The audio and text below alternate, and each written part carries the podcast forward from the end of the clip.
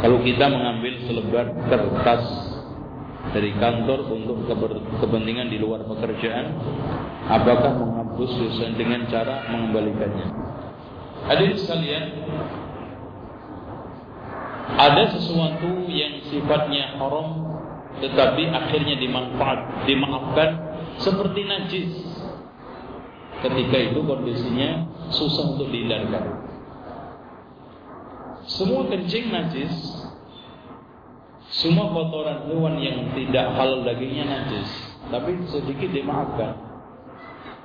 Makanya kalau sekarang kertas lembar, kalau memang antum perlu izin izin, kalau tidak maka itu insya Allah dimaafkan.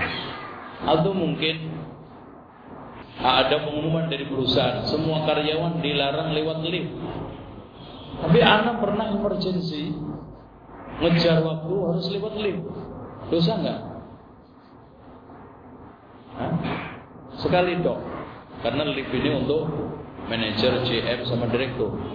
Kita pakai. Itu. Kalau izin juga nggak mungkin anak Nah hal-hal yang seperti ini termasuk najis yang dimaafkan.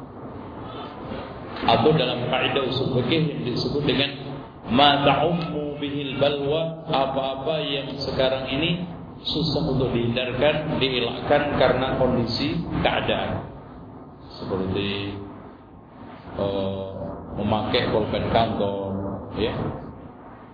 Ya, sekarang ada pulpen yang itu jatah dari kantor.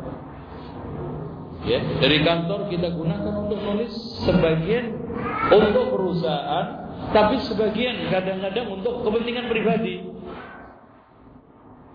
Ini ya, antum paham ya, insya Allah. Contoh-contohnya.